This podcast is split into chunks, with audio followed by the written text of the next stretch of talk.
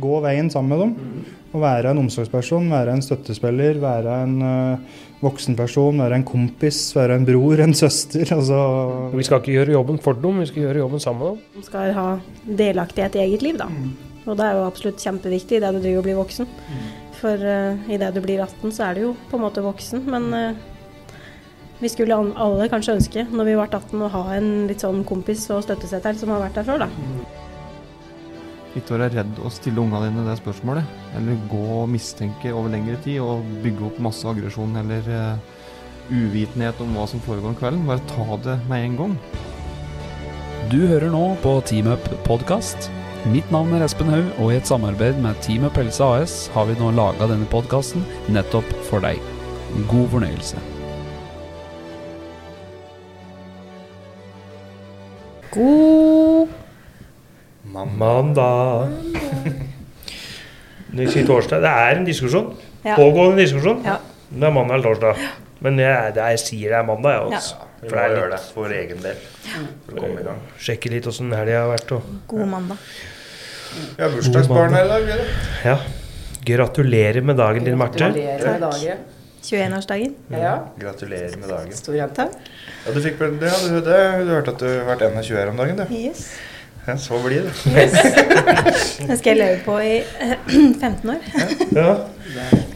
Han eh, guttungen kommer du aldri til å glemme. Stakkars guttegvalpen. Nei. Gammeldags var mammaen din, liksom. Var morgenen din fin? Den var fin. Jeg ble vekk ti på sju med gave i ansiktet, så jeg klarte ikke å åpne øya eller noen ting, men det var fint. Mhm. Så det Sånn må det være. Har bursdag på mandag, så er det begrensa hvor eh, Koselig party. Jeg er ikke helt på mandag ennå. Mandag er en fin dag. Ja, Da er vi i gang, i hvert fall. vi er i gang. Vi har litt på tappet denne uka, vi. Så jeg tror vi Yes. gjør nok å gjøre denne uka. Ja. Mye som skjer. Tenkte vi kanskje skulle prate litt i dag om uh, noe som er veldig vanlig. Vi har jo en del ungdommer nå, Ja. og vi er jo innom innimellom at de får litt tilbakefall. Tilbakefall. Mhm. Og jeg òg kjenner jo det, som har jobba med det i noen år nå, at tilbakefall er jo en, nesten en vanlig del av det å bli rusfri. Det er veldig vanskelig å klare det på første forsøk. Og så er det veldig fort gjort å få katastrofetanker når tilbakefallet inntreffer. Ja. Både av eh, den som opplever det sjøl, og de rundt. Mm. Nå har det seg sånn at det er jo Hvis du klarer da å holde deg rusfri et stykke, så det, ender det ofte at det tilbakefallet og ikke er noe At du ikke får noe god erfaring med det. Fordi den er ikke alltid Jeg kjenner folk jeg som har løpt inn hos foreldrene sine og trodd at de helt oppriktig skal dø. Så har hatt for rusfri en god stund, og så prøver de det igjen. Og så får de helt sånne crazy tanker. Og, så i noen tilfeller da litt med avhengig av hvor lenge den har holdt opp, da. Så de får en annen reaksjon på det samme dosen de har Mm. tatt før. Det er ikke som, noe, er ikke som før i det hele tatt. Nei. Jeg har jo merka det noen ganger, vi òg. At de tåler jo ikke de samme dosene Mm. som de har tatt. Mm. Så går det litt gærent, og så Mm. har de heldigvis mange rundt seg som eh, bryr seg. Mhm. Ja. Rusen er rar sånn. Mm. For at uh, hvis de har tilbakefall, eller hvis de har f- jævlig dårlige opplevelser med det, husker jo det sjøl òg, så får du helt sånn Det blir helt krise dagen etter, og du hater det, og du vil ikke gjøre det mer og sånn. Og så glemmer vi det igjen. Ja. Og når ting blir vanskelig, og når mørke dager kommer og sånn, så, så husker vi bare det positive med rusen. Det er rart åssen huet er skrudd sammen sånn. Ja, jeg har mange samtaler med dem vi har som er holdt så lenge rusfri nå. Og det er jo sånn at når de får vonde tanker og dårlige dager, så er jo de dårlige dagene ofte verre, for du kan ikke ruse dem bort. Mm. Hvis du velger å bli rusfri, så kan du ikke ruse bort lenger. Det er som Lars sier, at det spørs hvor, hvor tett på, eller hvor lenge du har gått til rusfri, da, hvordan du Mm. takler de tanken. Mm. Og det er jo en stor del av den jobben vi gjør. At eh, hvis en våkner opp og har en dårlig dag en dag, så Mm. må vi prøve å gjøre litt ekstra da, den dagen. For å få dem til å glemme suget. For det er jo en del av livet, da. Du har jo dårlige dager. Og hvis du ruser bort alle de dårlige dagene, så er det veldig vanskelig å møte de dårlige dagene. Mm. Hvis du blir rusfri. Jeg skjønner jo det. For du husker nesten ikke hvordan det var vet du, Nei. å møte dem motgang rusfri. Og ofte de vi har som er ruset som er 14-15 år gamle. Mm. Og du vet at du Ja, men da du kanskje lærer og skal lære, da. Mm. Og takle at livet er ikke bare lett Nei. bestandig. Men øh, ja, Har så du må du- begynne på nytt igjen. Har du rusa bort deg da i tre-fire år, Mm. så er det vanskelig å begynne på at det er å takle motgangen. Også, for det skjer mer til det når du begynner å bli 18-19 og oppover. Ja. Det blir tøffere da. Så er det noen ting som, som rusavhengige er jævlig gode på. Og det er jo for det første å finne unnskyldninger for å ruse seg. Gir seg selv gode grunner. Og for det andre så er det å manipulere omgivelser og, og ljuge om det for å holde rusen for seg sjøl. Mm. At det liksom opprettholder Hvis de er inne i en sånn recovery-fase eller noe sånt, så sitter det lenger inne og sier dem, til de som hjelper deg, eller de rundt, at vi ruser oss. Så det er veldig fort gjort å begynne med Eller rusavhengige er generelt gode på å manipulere. Mm. Det er det de er best på. For dette, de vil jo helst ikke innrømme det, og de vil helst ikke at folk skal vite det og prøver å holde det skjult og bla, bla, bla. bla. Mm. Og så bagatellisere det og Ja, men det går bra. Og, Vi merker jo det, vi òg, med disse ungdommene våre. At eh, de er, de er veldig flinke til å lage historier. Mm. Og vi skjønner jo at det ikke alltid er sånn. Men jeg tror de tror at de lurer oss. Men de lurer bare seg sjøl. Ja. Så det er en sånn derre Ja. Det er jo ofte dette de har praktisert på foreldra sine, Ja, ja. fosterforeldra sine, altså de familie, venner, de rundt i alle år, da. Mm. Så du får nesten sånne standardhistorier og standardfraser. Ja, ja. Du blir jævlig god på å finne på historier, som du skal egentlig ha skrevet i bok. Altså, Ja, rusavhengige, ja. for er jo kjempegod fantasi. Så tror jeg folk flest, da, folk generelt, skjønner ikke hvor hardt det er å bli rusfri. Nei. For det er en ekstremt tøff oppgave. Påkjenning. Ja, og det har noe med altså Psyken din skal være ganske hard altså, hvis du skal kutte det ut helt og takle de dårlige dagene. Og det er, mm, jo mange, mange tenker nok det er ofte at vi kan trylle. Ikke sant? At det har gått liksom to-tre måneder, og så, og så har, den liksom ikke, har den ikke helt rusfri ennå. Og så er det liksom Nei, da, da klarer ikke dekket det. Jo, vi, vi må ha mer tid, bare. Ja. Men det er ikke ærlig, vi klarer, vi klarer ikke å redde alle, det ikke det jeg sier. Men, men uh, det tar litt lengre tid enn det. Altså. Mm. er. Husker vi drev et par år Mm. sjøl. Mm. Det tar tid å, å endre store ting i livet, og, og ting som har vært livet ditt lenge. Og mekanismer og tankesett og sjølbilde og sjøltillit og sånne ting. Det er store temaer å endre på. Så syns jeg det er som skremmende da, at dette er som øh, maktapparatet i, i dette landet her, da, som ikke kan straffeforfølge noen som har eh, dop til eget bruk på seg. Du får 10 000 kroner i bot for å sitte med telefon i bil. Men en 16-åring kan gå med hasj på seg uten, å, uten at det skjer noe. Kan ikke straffeforfølge.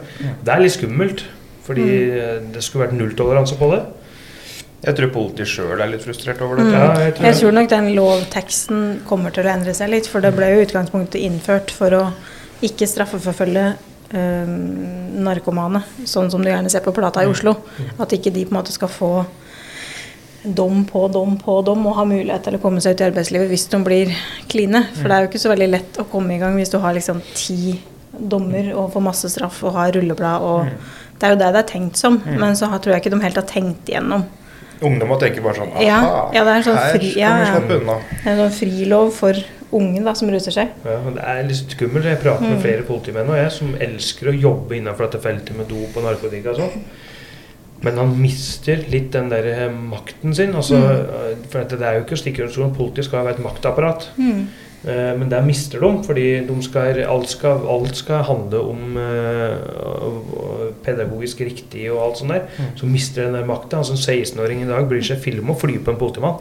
Eller kalle han opp eller true hele familien Men de har jo liksom ikke noe særlig å gjøre lenger. da. Så Nei. det er sånn, Og narkolangere og sånn vet jo dette her, så de deler jo opp så de alltid har på seg så lite som at de ikke blir straffa. Mm. Så står det en bak neste hjørne med mer på seg som Og du de kan gå og får hente. skaffer seg løpegutter Ja, ja. under 15 år. Ja, ja. Mm. Så det er Og liksom det politimennene som jeg prater med, at de sier det at de syns det er veldig frustrerende. Altså. Mm. Altså, hvis de treffer en 16 år gammel gutt som har dop på seg, så får han ikke gjort noen ting med det. Mm. Ingenting. Og det er liksom sånn, Da mister de litt makta si, altså da mister de litt det stempelet de har. Mm. Og Det er det samme som at når vi prater med altså, ungdommer om dette miljøet der, så er det ikke noen tvil om at det finnes ikke noe mye mer miljø i, som er mer kynisk. Ikke sant? At folk kan eh, oppføre seg som kompiser, men de bryr seg filla om å kaste deg under bussen. Mm. Eller stikke deg i ryggen. Og jeg prøver å si at de, at de øh, er sure og sinte på politiet hvis de blir tatt. De skal fly på politiet og kalle det politi. Men det er ikke politiet de skal være redd. Nei. Ikke sant? Politiet er jo der i utgangspunktet for å hjelpe dem. Men det er bakmennene i dette her Mm. som uh, Hvis du får sagt noe feil eller gjort noe feil eller noe, det er dem du ikke vil ha besøk av. Ikke politi. Du skal være litt åpen og slik for å ta imot hjelp av politi. Det er jo flere av oss ungdommer når vi som sitter på i bilen, og så møter vi en politibil, så er det liksom fuck you og fuck the police og sånn, så blir jeg sånn Ja. Hvorfor si Altså, han gjør jobben sin. Jeg beklager, men det er jo samme om han er sykepleier, om han er politi eller om han jobber på Rema 1000. Han gjør jobben sin. Ja.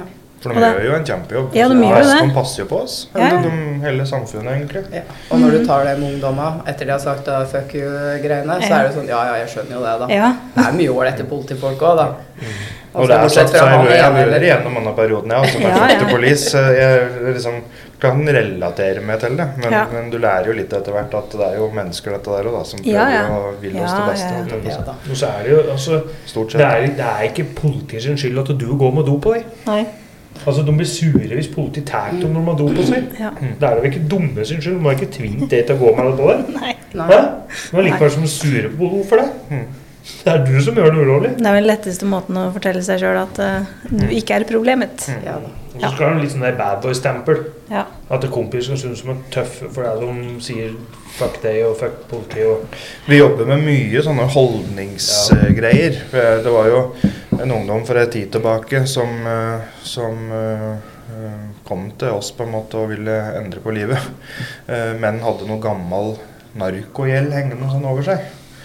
Og så kom vi i en sånn situasjon der den timeglasset begynner å renne ut, og så eh, begynner han å klikke på Nav og klikke på systemet og sånn, som ikke utbetaler nok penger og sånn, så han får gjort opp narkogjelda si og sånn.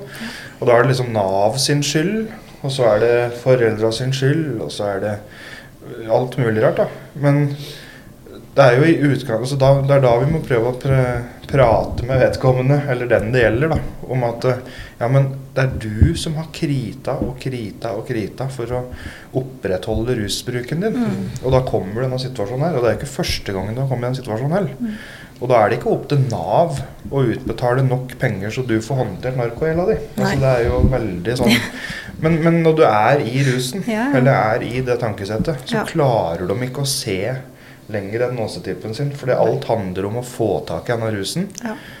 Og så må de, ser de ikke på de handlingene som leder opp til å skaffe den rusen. Da. Og så blir det andre sitt problem å ordne opp det etterpå, ellers så klikker. Og så er det noe med, noe med kompiser, da, i anførselstegn. For jeg har jo hatt noen ungdommer som har vært på besøk hos de gamle kompisene sine. Ikke sant? Og så blir du satt fram dop på bordet rett foran oss på. Og er du alkoholiker, så går du ikke på pub. Nei. Altså, det, er, det skal være kompisene dine, og som setter fram dette deg, så er terskelen jævla Har du vært rusfritt en, to, tre måneder, liksom. En eller to måneder. Så blir dette satt foran deg, og så har du ikke penger. Og så tar du det, og så blir du tatt mer, og så plutselig så sitter du og skylder penger igjen. Og du kan banne på at eh, de i miljøet der klarer å peke ut den svakeste, og de som er, eh, eh, tar mest når de setter fram noe på bordet som de kan kreve penger etterpå, de, de blir pekt ut ganske kjapt i dette miljøet der. Det er liksom ikke lett å komme seg ut hvis du først er inni. Og det er jo saker på saker fra Gjøvik òg, hvor du ser at eh, de har kommet inn i et sånn miljø og sliter med å komme seg ut igjen. Mm. Og det er jo pga. penger og gjeld og dårlige kompiser og Mm. Det er jo det samme som går opp igjen. Så skal vi jo være Unnskyld. Nei, jeg skulle til å si De rundt eh, vil vel gjerne holde deg inn i, inn i miljøet. Det er aldri kult å henge med noen som har slutta og blitt fornuftig. Nei. Det kommer til å være Det er et nederlag for deg som fortsetter å ha et problem, så du vil jo tilby å ha det inn i varmen igjen. Men jeg har jeg følt litt på det, at jeg, du, du kommer til et visst punkt hvor du føler deg bedre enn de andre. At det er de som henger at du ikke kommer seg ut. Ja. Så kommer du til et eller annet tidspunkt når du blir eldre, hvor du tenker Fy fader, han har er jogge godt jobba, liksom. Men han ser jo sårbart der er, og si. vi jobber jo med ganske store grupper med ungdommer nå. Og vi ser at hvis det er én eller to som, eh, som sliter, og som tenker på rus eller er negative, så sprer det seg. Men hvis to, tre, fire kommer seg inn igjen til jobb og klarer å holde seg rusfri og teller dager og er eh, veldig sprer liksom positivitet inn i gruppa med at i dag har jeg vært på jobb og i dag er så plutselig så ser vi i løpet av ganske kort tid at ja, men jeg òg vil ha jobb. Eller jeg òg vil ut dit, og jeg vil gjøre det. Så det er veldig sånn vi må jobbe veldig godt med gruppa vår for Ja, å- at alle skal på en måte dra hverandre opp og ikke Ja. ned. Men det er jo ikke kult å være den som står igjen, da, når resten på en måte teller dager og er på jobb, og så står du der og gjør ingenting.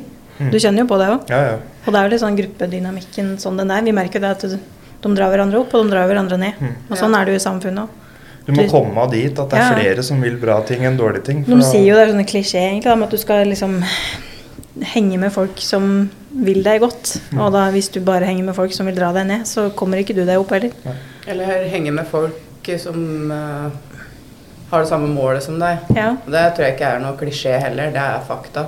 Vil du Du blir det du omgås, som regel. Det er flere av disse ungdommene som sier at de bare ruser seg litt. Og så blir jeg sånn at det er ingenting som heter å ruse seg litt. fordi enten så er du liksom Enten er du i aktiv rus, eller så er du rusfri, på en måte. For de som har slitt med det her, så er det ikke en mellomting.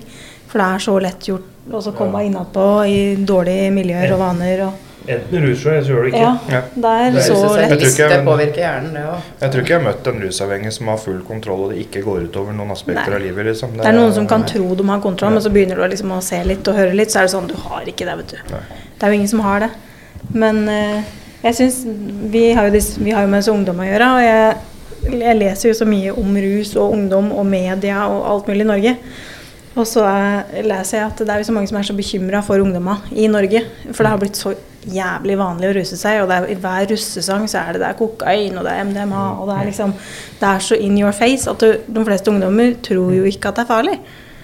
Og det er jo dritskummelt. jeg liksom Og da kommer vi jo ikke unna dette bildet som har vært nå. Da, Nei. Jeg skulle til å kommentere Ja. at jeg kan tråkke litt i salaten her, men også når det blir lagt ut sånn som det går med, med Sofie Elise og Anna Påsan, Mm. Så er det faktisk store influensere som går ut i media og forsvarer det. Ja, ja.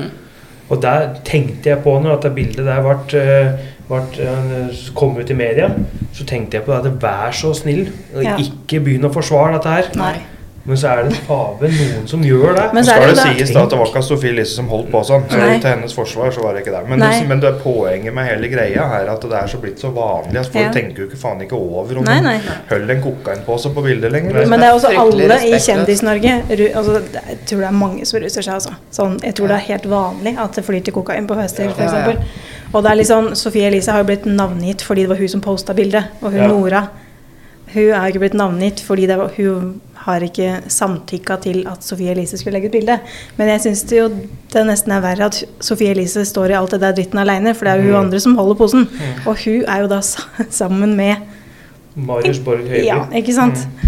Så det er, sånn, det, er, det er inn i kongefamilien nå, på en måte. Så det er så, det er så høyt oppe da, at alle vil jo at det her skal hysjes ned. Og hun er sladda på bilder, men det er sånn Ja. Men jeg syns det er så skummelt at det, det er så vanlig, og det er i alle sanger. Og det, er- det er liksom helt vanlig på klubber. De sier at det er jo ikke dokø lenger. Det er liksom Dopkø. Det er dopkø, ja. Det er snortekø, rett og slett. Du står og venter på å komme inn for å ruse deg, liksom. Og det er jo Det er, sånn som, det er litt sant som de sier, da. Det var ikke meningen å henge ut til Sofie Elise her, men, men eh, det var hun som posta bildet. Ja. Og med den kommentaren Ja. som hun har, Ja. så ligger det jo litt i kortet at hun kanskje har prøvd litt på, da. Og hun har jo akkurat kommet ut fra rehab, hun òg, da. ja. men det, er, eh, det er som jeg i hvert fall tenkte på meg sjøl, at ut ifra det vi jobber med, så var det sånn vær så snill å ikke begynne å Det er jo ikke meninga å henge ut noen her, men, jeg, men det er liksom Det er holdninga, da. Ja. Og jeg så på, jeg scrolla litt på TikTok i går, faktisk. Og da Mm. så jeg sånn Kevin Lauren og sånn dukke Ja, ja. opp og sånn. Og han lager sånne røyketegn på videoer og Og Adrian Selvold der sa Ja. jo i intervjuet om spurte om han kunne kommentere etter Sofie Elise-greier. Ja. Og da sier jo han at det kunne like, like godt ha vært meg. Ja. Svarer han der. Ja. At han skulle, skulle ikke ta det skulle ikke, var ikke så Skulle hysje ned litt og sånn ikke liksom angripe sånn, for det kunne like gjerne vært meg. Sant? jeg vil liksom ikke henge ut hun, men samtidig så vil jeg det. Fordi hun veit hvor mange følgere hun har. Hun veit hvor, altså hvor mye influenser hun er, da. Så det er sånn Når du velger å gå ut og legge ut et bilde, og det er sånn da, Jeg syns ikke synd på det. Blir sånn der, men la henne være i fred. Så blir jeg sånn nei. Jeg syns ikke det er riktig. Fordi hun påvirker så mange unge, og jeg syns det er så feil at det er hun som da blir offer.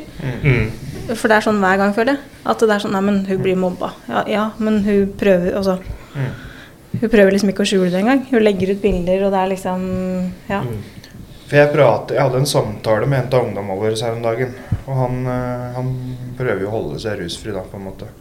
Uh, og han, til og med han, som har liksom vært i systemet hele livet og vært i barnevernet hele livet og slitt med rus i mange år, tross ung alder, da, Mm. uh, er, var inne i en god periode. Og så prater jeg med han, og så sier han uh, i går så ble jeg kontaktet av en jeg gikk på ungdomsskolen med. Han er året yngre enn meg, sa han. Og vedkommende som jeg prater med, det er jo 18 år. Og tilbød meg masse stæsj.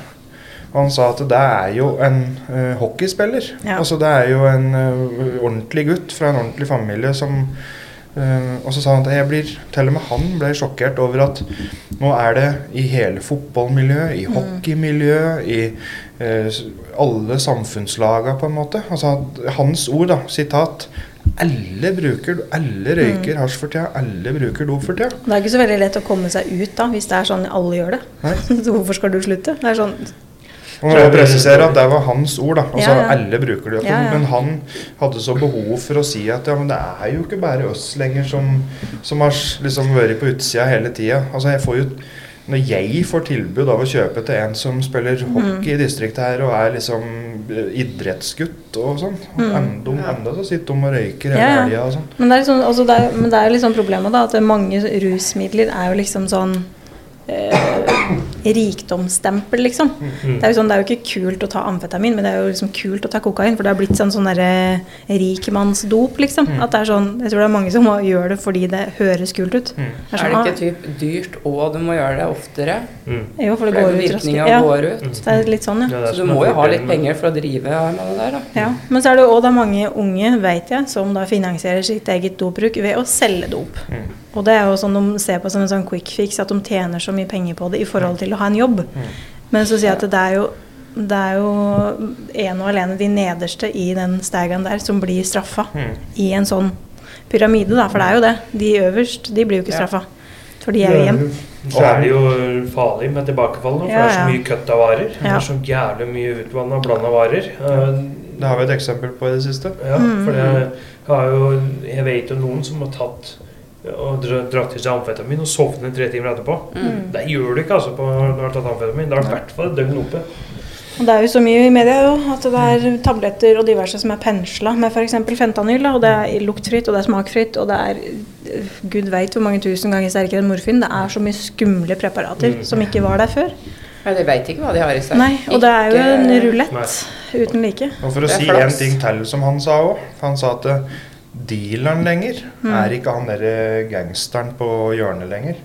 Eh, dealeren til disse gutta her, det er familiefedre. Mm. Folk som er i full jobb, folk som har unger, folk som bor i fine hus. Mm. Eh, det er ikke sånn som det var Jeg kaller det før, jeg da, for jeg husker liksom når jeg var yngre. eller Vi var yngre så var det liksom innad i kretsen. Altså du dro til Oslo og du Mm. deala med disse gangstere, holdt jeg på å si. Mm. I gåsetegn. Men nå er det standard folk. Walter White. Ja, Ja. det er der Ja, de får dopen sin ifra. Og det er de som lever et vanlig liv og pakker inn alt det der, så er det en biinntekt på det Mm. andre de har. Så har du alle populære, alle populære serier, TV-serier og lik, handler jo om dette eh, miljøet. Mm. Om hvor lukrativt det er å selge dop for du tjener så mye penger. Mm. Men de skal skjønne at det er ikke så jævlig lukrativt. At du Så kan en dag ut blir du tatt, da. ja, du kan Ja, gå ut det. og så selge hasj hvis du vil, men du tjener ikke noe penger på det.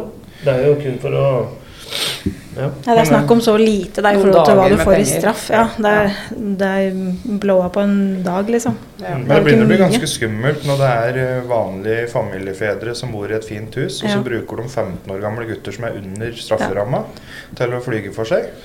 Da er det vanskelig å få tatt dem, altså. Å bruke Snapchat. Jeg husker jeg sa det til den ene ungdommen min. Sånn kan du, kan du se hvor lang tid du bruker nå på å finne noen som selger. Han tror han brukte ikke, 20 sekunder på Snapchat. Og da her. Bare. Der kan de gjøre hvor som helst i ja, hele landet. det er så tilgjengelig at det er, det er så skummelt. Bussen kan de ta til hvor som helst plass ja, Ja, hele landet, og så kan det gå to minutter som får tak i. ja, ja. Mm. Så det- Tilbakefall er jo mye lettere, da. ja. For det er så Du har det rundt deg hele tida. Mm. Og du, når du skal prøve å holde deg clean, så, må, så er det ikke sånn lenger at ja, men da må du holde deg unna altså, tre dårlige kompiser. Nei, Mm. du må holde deg unna alle som Ja. fins. For det, det, det, du, du, uansett hvor du snur deg igjen, så er det noen som sitter Ja. og røyker. Liksom. Nå setter vi det litt på spissen, da. Ja, ja. Men det er jo I en eller annen gruppe så er det alltid en eller to som driver med det. Jeg tror det er litt sånn, Hvis du prøver å holde deg rusfri, så er det litt sånn som hvis du, hvis du tenker over én type bil, så ser du den bilen overalt. Og hvis du prøver å holde deg unna rus, så da finner du rus overalt. Om det er i en sang eller en video eller på TV eller på Snapchat eller på TikTok eller Ja. Og tilgjengelighet da, gjør jobben vår vanskeligere. Og det, gjør, det er, gjør jobben vår vanskeligere fordi at tilgjengeligheten er så høy som den er. Men det er litt viktig òg at foreldre og sånt til ungdommer som sliter, og, og får vite at det er normalt å ha et tilbakefall. Altså det er ikke unormalt. Og det betyr ikke at alt er forgjeves for deg. Fordi han kan ha gått lenge uten, og så har han et tilbakefall. Det vil si at han, han ruser seg kanskje 10-20 ganger mindre enn den gjorde da. Da er det ikke sånn at du ikke har lært noe i den perioden du ikke ruste deg. Nei. Der vil du ha med deg. vei, Så der, er da har du bygd to, kanskje to steiner, da. Ja. Og det er jo ofte tilbakefall som skal til òg. Altså, skummelt å si det sikkert, men hvis du har vært rusfri en måned, da, og så prøver du det, og så har du en jævlig fæl opplevelse med det, og så sitter du heller og hater med faen hvor mye bedre denne måneden var, Mm. Så kan det hende du må finne ut det òg. Så det er derfor tilbakefall er liksom normalt. Mm. Det er mer normalt enn unormalt. på en måte. Ja. Men vi det, Men jeg skulle til å si at øh, du kan jo sammenligne det med all annen øh, dårlige vaner, uvaner, øh, avhengigheter. Mm. Altså du, du er jo ikke bare ferdig på dagen ofte. Det tar jo tid. Ja, Det er jo sånn med det meste i livet. Eller hvis du skal komme i gang med å trene, så går det treigt i starten, og det kan ta flere år før du på en måte blir den personen som gjør det, som Mm. skal være noe helt nytt. Og det å bli rein er jo noe helt nytt. Mm, ja. Så at man ja, Det er en prosess som tar lang tid. setter i gang alarmen bare for at du har et Eller bare når du har et tilbakefall. Det er jo det er litt en del av prosessen. Og det er ikke sånn Yes, nå kommer ungdommen min og til med pelse, så da blir den frisk neste uke, liksom. Eller da Nei, det er er den, ikke- så er det ikke sånn det fungerer. Og så er det noe som betegner rusfri. Altså hvor lenge skal du gå før du kan kalle deg sjøl rusfri? Altså Dette er det samme som for jeg slutter å røyke. da. Ikke sant? Hvis jeg slutter å røyke da, i ett år, og så begynner jeg å røyke igjen, har jeg da slutta et år, eller har jeg hatt opphold? En pause? Jeg har alltid en reell sjanse for å begynne igjen. Mm. Og det er vel noe hvor- man har ut livet, som jeg har Ja. forstått når du har vært Og- ordentlig rusavhengig? først, først driver med noe som er avhengighetsskapende, så tror jeg du aldri blir fri for det. Altså, Nei. det før De sier jo at det er en livslang sykdom. ja. For at du alltid må tenke på det. Ja. Det er ikke sånn at du kan gå tilbake til etter fem år og ha kontroll på det. Det er jo samme som alkoholikere. De kan jo ikke drikke, for da Det er jo det samme. Ja. Det er jo en rus. Så det er liksom sånn Ja.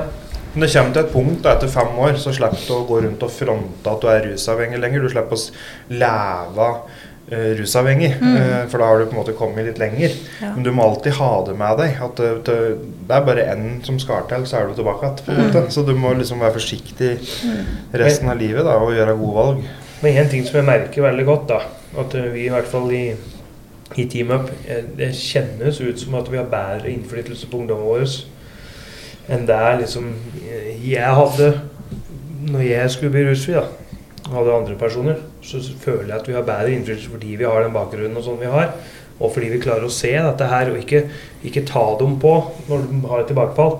Så tar vi dem ikke hardt på det, men du må prate om Hvorfor? hvorfor. ja. Hva er det som Ikke sant? gjorde at du gjorde det nå? Ja, og det hjelper ikke liksom å stenge den inne etterpå. Ikke sant? Det er sånn, det kan hende bytter ut rusen og så tar seg en fest eller to mer. Og Det er jo greit i den forstand. Men ja. For kjeft og pekefinger og sånn, det har Mm. de fått hele livet. Mm. Så det fungerer jo ikke, for det er preller å ta som vann på gåsa. Mm. Men du må hele tida prate om foranledningen og når tilbakefallet starter. Og mm, liksom hva er det som gjorde Klarer du å se før du tok, inntok rusmiddelet? Klarer du å se hva du tenkte, hva du gjorde, hvilke valg du tok? Eller Det er mange ting, mange svar som ligger 14 dager før du ruser deg. Ja. Så det er liksom litt vanskelig, vanskelig dette er det der, men jeg føler da at vi har ganske god innflytelse fordi vi kan, vi kan kjenne oss igjen i mye. Og vi prater jo alle, vi fire, prater jo om at hvis det er noe tilbakefall, så prater vi alle sammen om hvordan er det vi skal håndtere det. Mm. Og jeg syns vi har liksom gode, gode måter å og, ja. Og så har, ja. Så har du, du har jo disse tilbakefallene som skjer i motgang, da, eller når ting er Mm. dritt. Jeg Det tror det går var, for bra. ja, en av to. for det, er liksom, men, for det har jo skjedd noen ganger at noen får tilbakefall når du egentlig ikke skjønner hvorfor de får det. Mm. Fordi da går det bra, og de er i jobb, og de har mye bra greier gående. Mm. Og så enda så De er ikke vant med å få Nei. til det, vet du, så det blir skummelt, det òg. Det har vi prata om før, en sjølsabotering. Mm. Nå er det forventninger. Ja. Går det litt for bra? Ja. Eller så kan det gå for bra, så tenker du ja, men nå går det jo så bra, nå kan jeg jo ta meg en Ja. eh, liksom, for nå er jeg Da jo går det på- greit, ja. ja.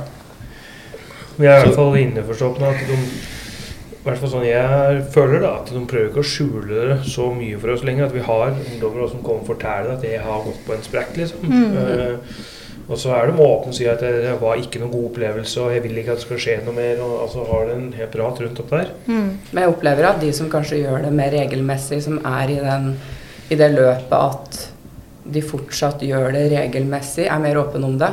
Mm. For det er sånn der Ja, jeg gjør det, og jeg forteller gjerne når sist var, men når det begynner å gå bedre, og du kanskje har vært rusfri en liten stund, så sitter det lenger inne å si Mm. og være ærlig.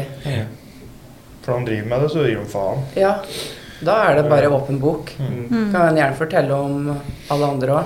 Og, og resultater altså det kan ikke defineres kun på liksom eh, hvor mye sprekker de har, eller Altså Du må jo se på veldig mye rundt òg. Liksom- Livssituasjon. Ja. Mm. Hva er det vi bedrer slags livskvalitet?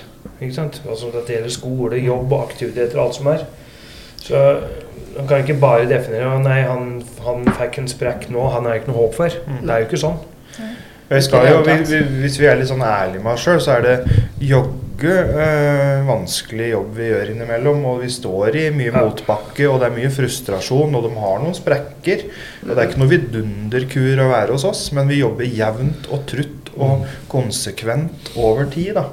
Jeg blir så frustrert når vi får for lite tid. For dette, å endre livet eller å ta bort et, øh, en rus fra livet sitt, det tar ett eller to år, kanskje. da. Det tar ikke to måneder. For at det, det, er, eh, det er for liten, to måneder er for liten tid til å få varige endringsprosesser i, til å sitte. Ja. Um, så det er liksom Og det vet jeg av erfaring etter å jobbe med dette feltet i over ti år. At folk er jo i institusjon i ett år, og det er en grunn til det. Og det til og med når de er i institusjon, så er de inne på institusjonen og bor der i ett år for å klare å bli rusfri. Mm. Så det tar ikke to måneder. For vi jobber jo med ungdom ute i samfunnet, eller ute Mm. i hverdagen. Eh, Vi prøver å skape de endringsprosessene i livet deres mens de lever i samfunnet. Mm. Vi skaper ikke de endringsprosessene mens de er avskåra fra samfunnet. Nei. Og det tar litt tid. Det tar veldig lang tid. Ja, først skal du bli rusfri i første omgang, og så skal du begynne å endre mentaliteten. Og så skal du begynne å få nye vaner, og alt sånne ting tar jo tid. Mm.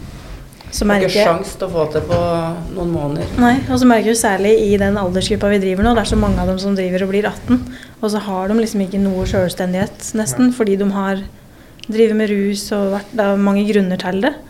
Så det sånn, den fasen der òg er liksom ekstra sårbar, føler jeg. Mm. For de, når de blir 18 år, så de er liksom overlatt til seg sjøl, og så vet de, de vet ikke hva de skal gjøre, eller hvem de skal kontakte, eller hvor de skal gjøre det. Ja. Og så hvis de da røyker eller tar noen rusmidler, så har de ofte de har liksom, de, de har liksom ikke den given til å gå på Nei. og ordne opp i ting sjøl heller. Nei. Så de er litt sånn der, de er så overlatt til seg sjøl, og så Hva skal jeg si? Ja. ja. De trenger ganske mye hjelp i den perioden der, da. For å starte livet sitt Ja. mens du på en måte ikke har noe giv til å gå på det. Og vi har, vi har helt ærlig flere ungdommer hos oss nå som, har, som det går jævlig bra med, Ja. og som har blitt rusfri, og som er inne i veldig gode prosesser i livet sitt. Men de har vært hos oss i ett år pluss. Ja. Mm. Eh, de som har vært i tre måneder, de er fortsatt i den derre De har ikke kommet nesten til innrømmelsen av at de er rusavhengige engang. Liksom, du bruker jo i hvert fall en to-tre-fire måneder på å skape relasjon, tillit, komme under huden på dem, begynne Ja. å prate om de vanskelige tinga. Mm. Du kan ikke hoppe på det dag to de kommer, Nei. og så skal du fikse dette her brått Nei. på 14 dager. Det, det går jo ikke. Nei, det er riktig det du sier der. Den der med relasjonen først, før du i det hele tatt begynner på å prøve å innvirke. Mm. Hvorfor skal du som en fremmed person plutselig begynne å innvirke? Du må få en relasjon og en Ja, Hvis den har en kjemi òg. Kan du bruke tre måneder bare på deg og skape en god relasjon Ja. Ja, ja. og tillit. Og det er ganske viktig, da. Ja. Og jeg mener det, at uh, hvis en ungdom er hos oss, da, uh, og så har vi fått en god relasjon, han er trygg, uh, vi ser liksom at han begynner å prate om ting, og så får vi han kanskje ut i praksis, og så kombinerer vi dette med DPS eller BUP, og så har vi et godt opplegg rundt den, og så har vi god dialog med pårørende, foreldre etc. Og så går dette her en to-tre måneder, og så har han en sprekk. Da er det ikke dermed sagt at alt har gått til helvete og han starter på null igjen. For da har han fått erfaringa inn på jobb, og han kan gå tilbake igjen til jobben. Eh, og han har, Det er ikke sånn at han ikke har lært noe på de to-tre månedene. Og da har han fått masse input, masse tanker, masse fått kjenne litt på hvordan det er å være rusfri. Så alt det er jo verdt noe. Og så har han den sprekken. Og da starter vi ikke på null, men vi går videre. Og så jobb, fortsetter vi å jobbe med Da, er det, det. altså, da prøver jo vi da å ha noe fokus på den sprekken. Ja. Da er det mest sånn der, hvordan følte du det, hva slags følelse kom fram, hva slags tanker hadde du og sånn. Så, begynner, du- så bruker du en dag eller to og så prater med den sprekken og sånn. Og så går vi videre. Mm. Ikke sant? Vi, vi, vi, vi, vi bruker ikke deg mot den i uke 14 dager etterpå. Altså Da har vi pratet om den sprekken og hva som skal til for å ikke havne i samme situasjon igjen. Og så prøver vi å finne metoder da, for at hvis du føler suget, så gjør sånn og sånn, og så kan vi dra og gjøre sånn og sånn. Så prøver du å jobbe kontinuerlig med det, men det betyr ikke, som du sier, Lars, at alt er forgjeves. Det er så er det ikke jo ikke helt ulogisk at det skjer. Hvis du er vant til et type liv, og så kommer det plutselig masse folk og skal innvirke på deg. Du skal snu om på ting, og nå skal du ta gode valg. Og så gjør du det fordi at du blir inspirert, og du har lyst. Mm. Men så plutselig så ble alt så veldig seriøst, og nå må jeg prestere, jeg må stå opp om morgenen, nå må jeg levere. Da på et punkt så er det jo ikke veldig overraskende at du tenker at jeg orker ikke, nå, nå er jeg sliten, nå orker jeg ikke. Så går du på en smell, og så ser du at ja, det her er jo ikke veien jeg vil gå heller, så er det jo bare å klatre opp på hesten Ja. Det er jo Og så må du på en måte Når du har en sprekk, da, så kan du enten tenke at det er utelukkende negativt, eller så kan du prøve å lære noe av det. Og så bruker vi den materien til å liksom analysere hva er det som gjør at det går gærent. Altså hva, hva, hva er bare, Hvordan skjedde den sprekken her? Og da kan vi bruke det til noe positivt, i stedet for å sitte og tenke at alt har gått til helvete. Og det har jeg lyst til å presisere til foreldre og oppdragsgivere våre òg, for den saks skyld. At den, kommer det en sprekk, kommer det nedturer og sånn, så har ikke ting gått til helvete. For han er i trygge rammer, han har en god relasjon, og vi jobber med prosessen. Og det tar tid. Og vi har sett noen av de ungdommene som har vært hos oss et år pluss. Herregud, for noen nedturer og for noen sprekker og for noen greier vi har hatt med dem. Men jogge har vi stått sammen med dem gjennom det, og vi har brukt det og brukt det og brukt det og lært og lært og lært. Og så kommer de dit at endelig mynten detter ned, og så har de lyst på det livet som vi presenterer sammen med dem. da. At dette vil jeg få til, eller dette vil jeg gjøre. Og relasjon gjør at de kommer til oss og prater om det. Hadde ikke relasjonen, tilliten, vært så høy som den er, så hadde de prøvd å skjule det. Prøvd å skjule det mye mer. Vi har noen som har prøvd å skjule det òg, men vi er veldig gode til å plukke opp tegn på Mm. hva som skjer. Ja, nei, altså det er jo veldig viktig å presisere at de som òg gjør det bra i dager eller uker eller måneder, da, at det, det er jo alltid en risiko for at det går gærent igjen. Men da er jeg litt opptatt av at da skal de komme til oss uansett. For jeg har sagt at det er ikke sånn at vi gir deg opp for Nei, at det går galt, for det kan gå galt igjen. Men det er så skummelt å liksom bygge opp en sånn forventning om at hvis det går galt, da er de liksom mislykka, da.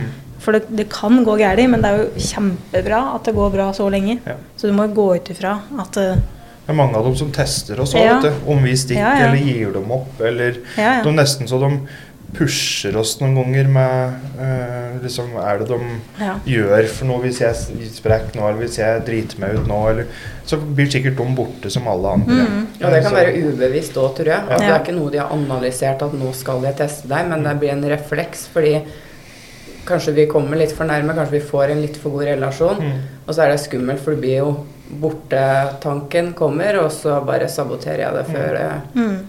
Så, har du, så finner du ofte ut i en sånn sprek om hvem kompiser dine er. Så har ofte du må komme tilbake til oss og, og liksom eh, vært på, en, eh, vært på et sted hvor liksom kompis skal sitte. da. Som også fått den til å gå på en sprekk, og så kommer det noe fy faen for noen drittkompiser og sånn. Mm. Så finner du ut at nei, altså, da skal jeg faen ikke prate med noe mer. Så uansett sprekk eller ikke sprekk, da, så kommer det noe ut av det. Altså, jeg vet, jeg skjønner jo at en sprekk er ikke bra. Altså, Nei, det er ikke der vi går for. Nei, Nei. vi Men- går jo ikke for det. Men, men vi prøver å snu alt til at vi prøver å hente noe positivt ut av det. Prøv å Og så er det noe med å være realistisk når Ja. folk skal bli rusfrie. Ja. Og det er ikke farlig å snakke om at det skjer òg. For det er jo det som er den store skammen når du prøver å bli rusfri, er jo når du har gått på en smell. For da kommer uh, blikka, skuffelsen til de rundt. Mm. At vi ikke maler noe glansbilde, for det er ikke over på én dag. Og det er helt greit å snakke om at Mm. det skjærer seg innimellom. Vi det er legger, ikke, vi, vi legger jo ikke fram for en ungdom når den begynner å skal beruse seg at det er greit med en sprekk. Altså, det blir jo aldri sagt høyt For sprekker kan være farlig, det. Ja. Det har vi et eksempel på i media i det siste med hun Marte som det Og har altså stått to om. jenter. Og altså to jentene nede i Spydeberg som, som eh, dessverre gikk bort. Det er jo, fullt, det er jo så tragisk at det er helt uh, Ja. Trist. Og da er det sånn du kan spekulere i, da. Om uh, Har de fått noe, hatt i seg noen dårlige greier, eller har de prøvd å ta samme mengde? Har de vært rusfri lenge, i mange måneder, og prøvd liksom samme dose igjen som de ikke har tålt? Altså, det er jo masse Det er så mye kan, faktorer. Ja. Men poenget er at du leker med livet uansett Mm. hvis du driver med russ. Ja. Og om du har tilbakefall, eller om du driver med det i hverdagen, eller uansett om du har, er rus en del av livet ditt, så leker du med livet ditt. Da Ja, kan du har flaks hver Ja. gang, da. Ja. Hver gang du tar i deg noe, så har du flaks. i hvert fall nå som du kjøper, og det kan være dårlige varer. For det er så mye dårlig nå. På, på, på hardest også, så jeg skjønner ikke hvordan jeg overlevde det. Nei. Altså, du spiser jo ikke mat og Nei. Men enda før så var det jo reinere stoffer. Nå er det så mye syntetisk, Ja, ja. og det er blanda ut med ting for at, du skal virke, at det skal virke som at det er bra stoff, og så er det ikke det. Mm. Og det er liksom blanda med det ene og det andre, og det er som du sier, hvis du sovner på visse typer med medikamenter, holdt jeg på å si, Mm. som du ikke vanligvis hadde gjort, så er det jo blanda med noe annet. Og det er det som er så skummelt, og hver gang du gjør det, så du risikerer jo livet ditt. Men Og så det er jo blitt så utbredt nå at de har egne programmer for å informere ungdom om å ta riktige valg av hva slags rusmidler du tar Ja. når du først skal ta det. Ja. Fordi at de ikke skal ta livet av seg sjøl. Ja. Fordi at de tar det uansett. Ja. Da må du lære deg hva som er er mindre farlig. Men jeg husker jeg så jo på den her serien til han Leo Ajkic Mm. på NRK, den Rus. Og det, jeg har aldri vært så skremt i hele mitt liv. Som forelder særlig, da. Mm. For det er så Når du er 18-20 år, så er Ja. du uovervinnelig og skal ta over verden, Ja. og du tåler alt. Det er den sånn. den Nei, du perioden. gjør Det ikke gjør det. ikke det, altså. Det er den mest sårbare perioden, og det er da du tror du er liksom sterkest. Mm. Og det, er- det er så fort gjort. Og på russetreff, og det er liksom det er én fest som skal til. Mm. Og det er så mye historier om ungdommer som har prøvd det for første gang, og som da dør av en overdose. Mm. Ja. Og det, er, det kan jo være deg, men du tenker det ikke når du er i, i den bobla. For det Ja, det skjer ikke meg, liksom. Sånn, Og om du ikke dør eller blir kjempesjuk og alt det her, så kan du få en skade i hjernen Ja, ja. din som varer livet ja. ut, eller i veldig mange år, av den ene tu Mm. Men det er jo litt sånn vi forteller oss sjøl, da. Det er liksom 'det skjer ikke meg'. Det er jo sånn som voksne òg tenker, at nei, det, det skjer ikke meg. Du ser det på nyheter hver dag, og det skjer jo ting hver dag. Enten overdoser eller trafikkulykker, men du tenker jo at det skjer ikke meg. Det er helt tilfeldig. Enten Ja. flaks eller uflaks. Ja. Og så har jeg lyst til å si til foreldre at jeg skjønner jævlig godt at de får katastrofetanker Ja, ja. hvis sønnen Jeg hadde eller jo fått det dattera får eh, tilbakefall og sånne Ja. ting. Eh, men det er, det er egentlig eh, ganske vanlig, men det er ikke greit. Eh, altså Vi jobber jo ikke for at de skal ha det, men hvis det skjer, så er det sånn som kan skje når vi dealer med rus. Og så er det vår oppgave på en måte å ikke bli stressa. Altså, Mm. Vår oppgave er å å ta dette for det det er, og så må vi jobbe og få best mulig ut av det. Og så må vi stå sammen med dem gjennom prosessen, og så må vi jobbe videre og knallhardt for å endre det enn videre, holdt jeg på å si. Og se hva man kan lære av Ja. det. Mm. Men det er fort gjort sikkert for foreldre å tenke at nå er de inne i et tiltak, eller nå kommer de og timer pelse. Yes, nå kommer det til å løse seg, eller nå går det bra. Og så går det en sånn, kommer det en sånn knekk, og så tenker de fy faen, dette funker jo ikke i det hele tatt. Det går rett til helvete, liksom. Ja. Men det gjør jo ikke nødvendigvis det, da. Hva som vår eh, mor sa når hun var her. At jeg skjønner at det kan skje, men jeg trenger ikke å akseptere det Mm. Nei. som forelder. Altså, Det er litt med det. Mm. At du må prøve å tenke litt at du behøver ikke akseptere det. Ikke sant? Ikke, men du kan skjønne at det kan forekomme. Liksom. Skjønne at det Mm. kan skje. Det er jo litt det Men samme det, som men det betyr ikke at de trenger å si at, at de trenger å akseptere den type oppførsel. Og det gjør ikke vi heller. Vi gir jo klar beskjed til ungdommene hvis de har en sprekk, at dette her er helt uakseptabelt. mm. Dette er vi ikke fan av, eller dette her eh, liker vi ikke. Eh, Sånn skal det ikke være. Men hva gjør vi nå? Ja. Mm. Ja. Så er det også litt sånn, og det også sier vi jo til dem hele tida, at vi får ikke hjelp av dekk hvis ikke dekk vil hjelpe deg sjøl. Fordi vi får ikke tvingt dem gjennom dette her hvis ikke de har lyst. Nei. Men de må jo se på hva de på en måte får ved å gjøre det. Mm. Og du får jo så mye mer. Og jeg pleier å si det også, at de er jo liksom i det beste Mm. De er jo i de beste åra. De skal jo ha verdens største drømmer og ønske, liksom, ønske det ene og det andre. Og du ser jo hvor inaktive de blir når de ruser seg. Mm. Og du ser potensialet, men så er det så vondt å se på. For det Ja. Ja, du ser det fine mennesket da, som Ja. kunne ha klart ganske mye. ja. Men jeg tenker at uansett, de er innafor da, streken. De kan, flere av de velger å si nei. Jeg skal ikke ha noe hjelp. Og da har ikke vi sjans til å hjelpe dem men de har faktisk De er her. De vil være her. Mm. Og bare det er jo en seier i seg sjøl. Da har vi så mye å gå på. ja. Da, da er det åpent. Mm. Det er jo noen som ikke vil ha hjelp, og du ser jo at det går jo ofte galt med dem, da. Mm. Ja. Og det er jo jævlig vondt, Men Det tar mange år før de kanskje kommer dit Ja. som ungdom er i dag. At de faktisk Og da er det ofte for ja. seint, da. Ja. Så det er, sånn, det er skikkelig sånn drittfølelse å sitte med, men du får ikke hjelp av noen som ikke vil det. Og så er forskjellen, da, hvis de er hos oss, da, så har de en sprekk. da, Røyker en kveld eller et eller annet. Og hadde, hadde de ikke vært hos oss da, så kan hende de hadde rust seg fra sans og samling i 14 dager i strekk. Men vi er på dem på sekundet, og ratt så får vi dem på jobb igjen dagen etter. holdt jeg på å si. Eller, og da er vi der med en gang. Så forskjellen er at hadde de ikke vært i tiltak da, så vet da søren åssen det hadde gått. Så har vi utrolig, som vi har nevnt før, og vi har utrolig folk vi samarbeider med som har det med jobb, da. Som skjønner at dette kan skje. Ikke sant? Som har, har forståelse for det. Mm. Og vi hører aldri noe galt rundt det, men det er sånn at eh, hvis noen har kommet på jobb og sett at den har etterdrøyd dønningen da, til et eller annet, så er det, ringer de og sier det at nei, han må hjem igjen. Ja. De er jo omringa av folk da, som plukker det opp Ja. med en gang, så de har jo på en måte ingen plasser de kan gå som ikke er noen som catcher at nå er det noe Mm. muffins. Mm. Og har de vært på et besøk, overnatting eller noe, så er vi jo og henter de dagen etterpå og får de tilbake igjen. Mm.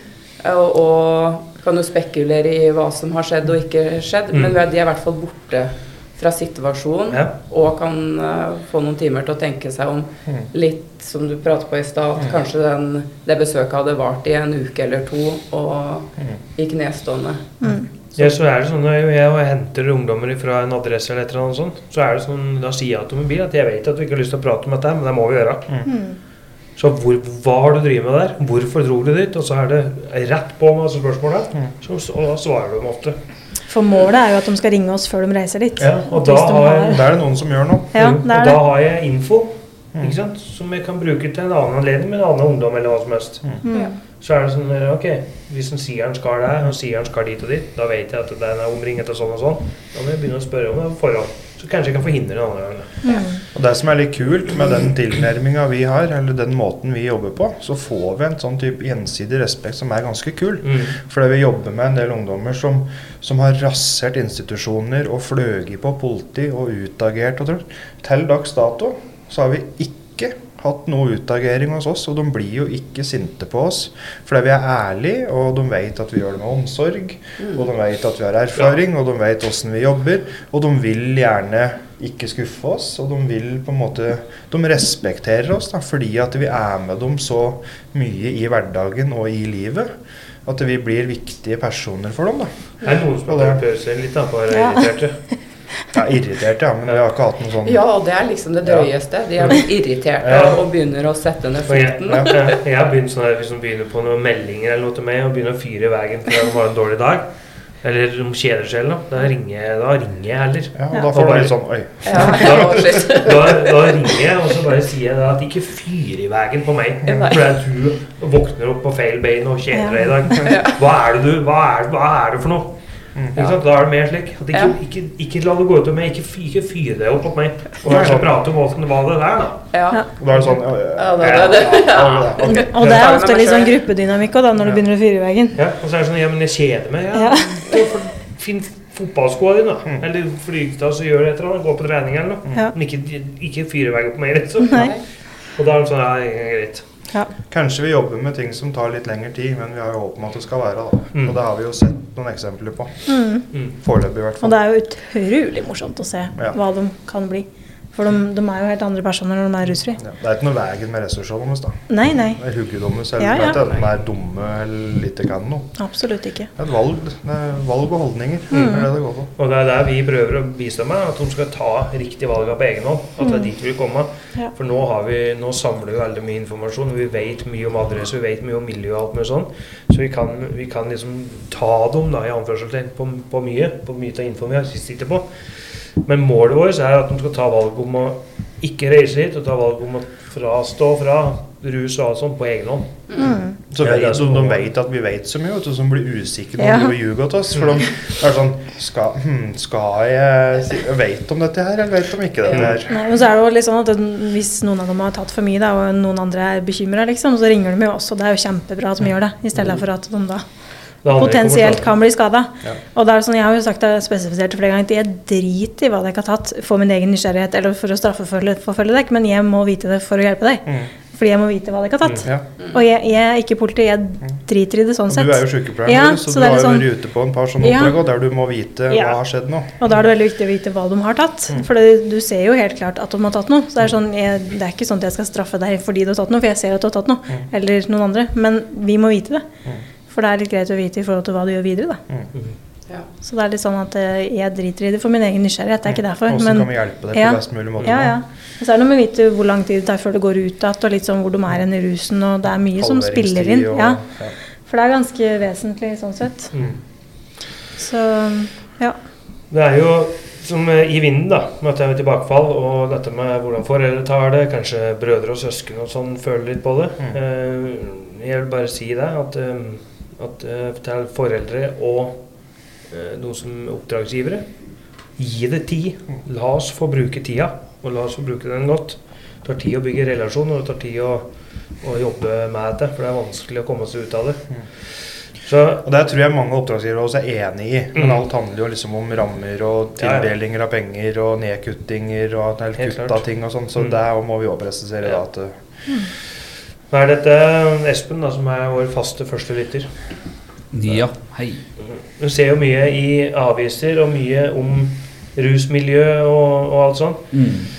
Eh, hvordan er dine tanker på dette med tilbakefall, og hvordan rusmiljøet har vært i? Siden det er så mye, så er det jo lett, kan du si, eh, å få et tilbakefall. Jeg tror til- Tilgjengeligheten er jo større enn noen gang. Mm. Og det blir jo mer eh, synlig alt sammen. Så i en perfekt verden så skulle det verken vært prat om det eller skrive om det eller noen ting da, for å usynliggjøre det. Men det er ikke så rart. Så jeg skjønner jo at det er fort gjort og, og lett å bli påvirka til å prøve att. Eh, og det er vel sikkert en tanke som går på at eh, ja, ja, litt skader jo ikke.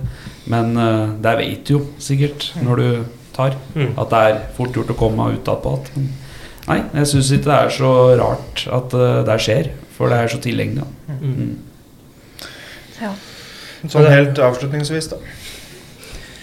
Så tenker jeg at uh, dette er så uh, ute der nå. Uh, Mm. Det er så mye fokus på det. Det er i alle samfunnslag. Det er eh, for hockeyspillere, det er for eh, barnevernsbarna, det er for Det er liksom overalt. Så vi er nødt til å bruke stemma vår. Mm. Vi må bruke de kanalene vi har. Og vi må stikke fram hugget. Og vi må gjøre alt vi kan for å mot Eller skaffe en motvekt til alt dette som skjer. Og så Mm. kjemper vi sikkert en kamp som du aldri får vunnet helt, men vi kan iallfall stikke kjepper i hjula og ødelegge så mye vi kan. Mm. Og hjelpe dem som er villige til å ta imot hjelp. Ja. Hvis, det er, hvis det er noen ungdommer sånn som oss som hører på podkasten der, så la politiet gjøre jobben sin.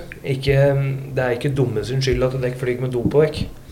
Og la, la politiet eh, gjøre det de gjør best. Og de skal, være, de skal ivareta det uansett. Og bruk hjelpeapparatet. Mm. Be om hjelp, ikke stå i det aleine.